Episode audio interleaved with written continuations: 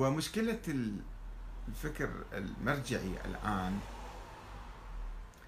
آه، هو يؤمن طبعا بنظرية الإمامة أن الأئمة كانوا لهم ولاية تشريعية وتكوينية وبالتالي هم يدعون المراجع يعني يدعون استمداد شرعيتهم من هؤلاء الأئمة.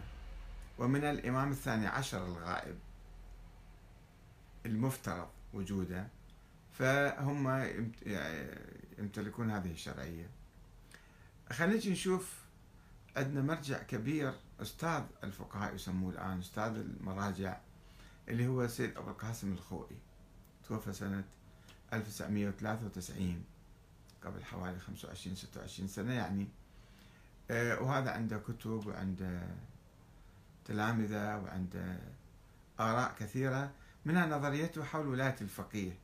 هاي النظرية طبعا كانت مبحوثة منذ 200 عام تقريبا.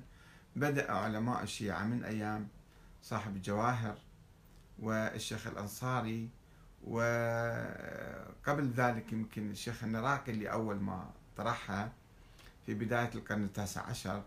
بدأ يناقشوا هاي النظرية أن الفقهاء لهم ولاية وما هي حدود ولايتهم و يعني الآن كيف كيف يوفقون بين ولاية المراجع وبين النظام الديمقراطي اللي الولاية تأتي عبر الانتخابات وعبر الديمقراطية ومجلس النواب آه الذي ينتخب يصبح له عنده ولاية وولايته تتحدد بالدستور. أما ولاية آه الفقهاء المراجع فهي فيها كلام بيناتهم يعني آه، يتناقلون ويناقشون سيد الخوي ما كان يؤمن بالولاية حتى يحق له القضاء ولكن لا يحق له أن يفرض ولايته على الناس في القضاء. ما كان يؤمن بنظرية ولاية الفقيه.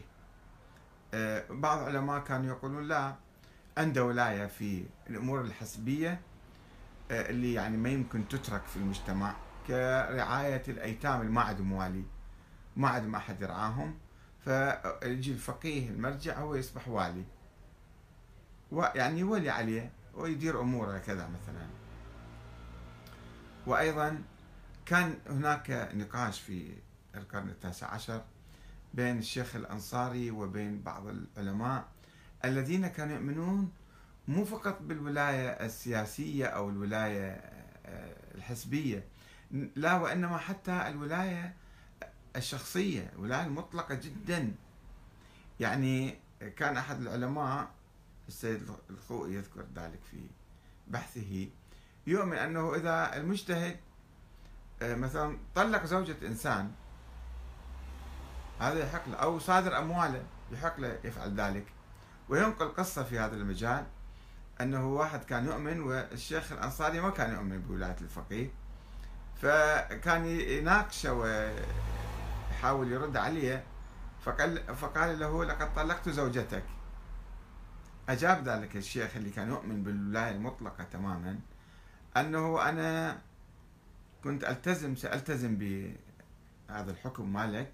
لو كنت أؤمن أنك مجتهد ولكن أنا ما أؤمن أنك مجتهد فلذلك ما أعمل بفتواك. طيب إذا كان واحد مجتهد هل يحق له للمجتهد الفقيه أن يطلق زوجات الآخرين. حتى النبي محمد ما كان يفعل هذا الشيء. ما عندنا قصة بالتاريخ أنه طلق واحد ولا زوج واحد غصبا عنه. ما كان عندها الولاية هذه. ولكن هؤلاء الناس اللي ينظرون إلى هذه الولاية المطلقة يعني صارت الدكتاتورية المطلقة.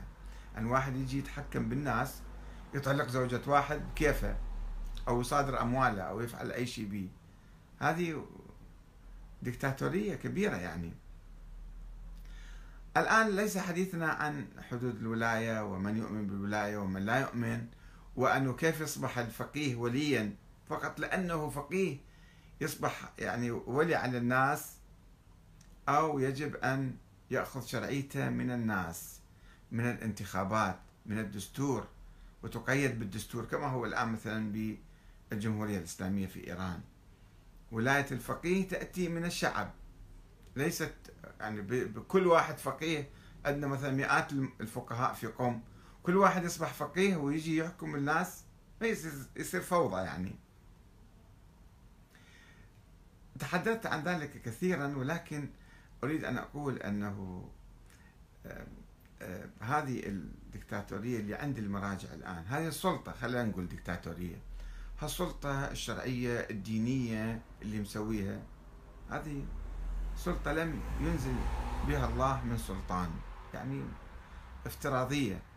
ناس مفترضين أن هذا الشخص إلى هذه الصلاحيات وهو يمثل الله في الأرض وبالتالي حكمه حكم شرع حكم الله. هو ماخذها عن عدة فرضيات. أنه فرضية النيابة العامة عن الإمام المهدي. الإمام المهدي مفترض ما له حقيقة ما له وجود. في ناس قبل ألف سنة افترضوا وجود هذا الإنسان وقالوا وافترضوا أنه إمام ثم افترضوا أنه غائب ثم افترضوا أنه المهدي منتظر وبعدين إجوا ناس فقهاء آخرين أخذوا الولاية عنه افتراضا. طيب. آه النظرية أيضا وجود هذا الإمام الثاني عشر كانت كان مبني على فرضية الإمامة أن أئمة أهل البيت هؤلاء الاثنى عشر مثلا عندهم ولاية من الله. وبالتالي كلامهم فقههم آه، أحكامهم كلها كأنها أحكام رسول الله صلى الله عليه وسلم. فهم جزء من من من النبوة يعني وامتداد للنبوة. وبالتالي أحكامهم كلها نأخذها من عندهم. هذه كلها نظريات تراكمت عبر الزمن إلى أن وصلت إلى لنا اليوم بعد 1400 سنة. هل كان للأئمة ولاية على الناس؟ هل كان هناك إمام ثاني عشر؟ هل الإمام الثاني عشر هذا إذا افترض موجود أعطى أحدا وكالة عنه أو نيابة عنه حتى يحكم الناس؟ هذه كلها نظريات فرضية. الذين يبحثون في هذا